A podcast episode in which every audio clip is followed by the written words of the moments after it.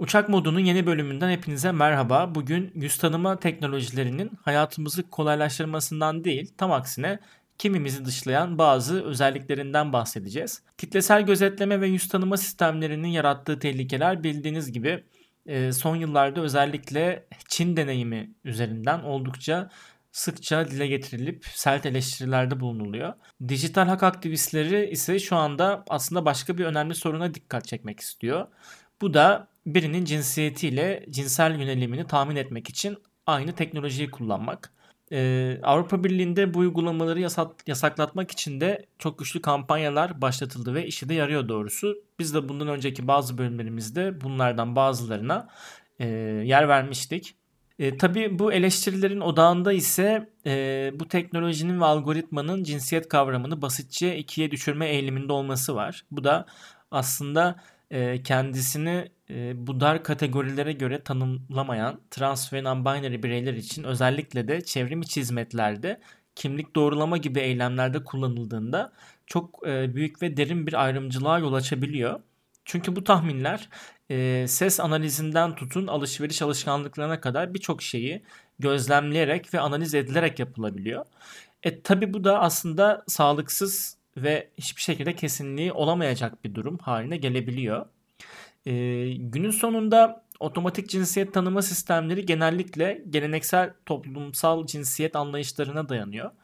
E, yüz tanıma teknolojisine göre ise eğer bir kişi yani çok basit kısa saçlıysa direkt olarak erkek olarak kategorize ediliyor. Eğer makyaj tespit edildiyse yüzünde o da bir kadın olarak kategorize ediliyor. Bunun dışında e, işte kemik yapısı ve yüz şekli gibi biyometrik bazı verilere dayalı olarak da benzer kategorileme işlemleri yapılıyor. Ama e, sonuç ise bu kategorilere uymayan insanlara yani genelde trans ve non-binary bireylere e, yanlış cinsiyet atanmış oluyor.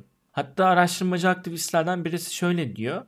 E, bu sistemler sadece transların var olduğunu kabul etmekte başarısız değil, yani var olduklarını tam olarak anlayamıyorlar bile. Yani böyle bir şey dile getiriyor ve haklı da. Şimdi bir makine tarafından reddedilmek yani cinsiyeti ya da cinsel yöneliminin tanınmaması bir insan için sadece aşağılayıcı bir şey değil aynı zamanda şiddetli bir tepkinin de tetiklenmesine ön ayak olabilecek bir durum.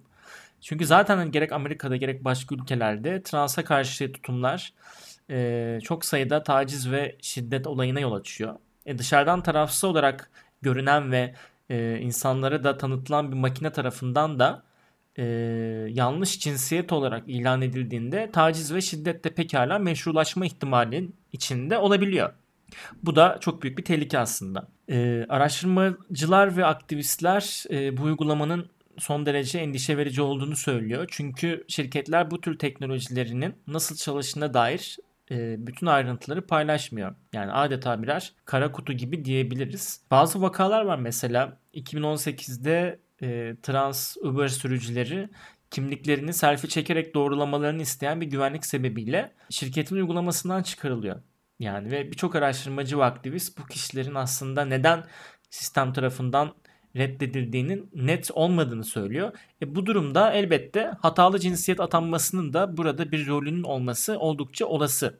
Yayını bitirirken şunları da ekleyelim. E, dünyayı ya da her şeyi işte basit yöntemlere dayalı dar, ikili sınıflandırmalara indirgeyen bir teknoloji insanın sonsuz çeşitliliğinin ve karmaşıklığının karşısında her zaman başarısız olmaya mahkum. Elbette araştırmacılar ve aktivistler de kabul ediyor ki makine tarafından cinsiyet tanınması elbette ki çok sayıda insan için işe yarıyor ama bu sistemdeki temel kusur e, toplum tarafından zaten uzun bir süredir marjinalleştirilmiş olan insanlara da kaçınılmaz olarak zarar vermeye devam ediyor. Diyerek uçak modunun bu bölümünde e, sonuna geldik diyelim.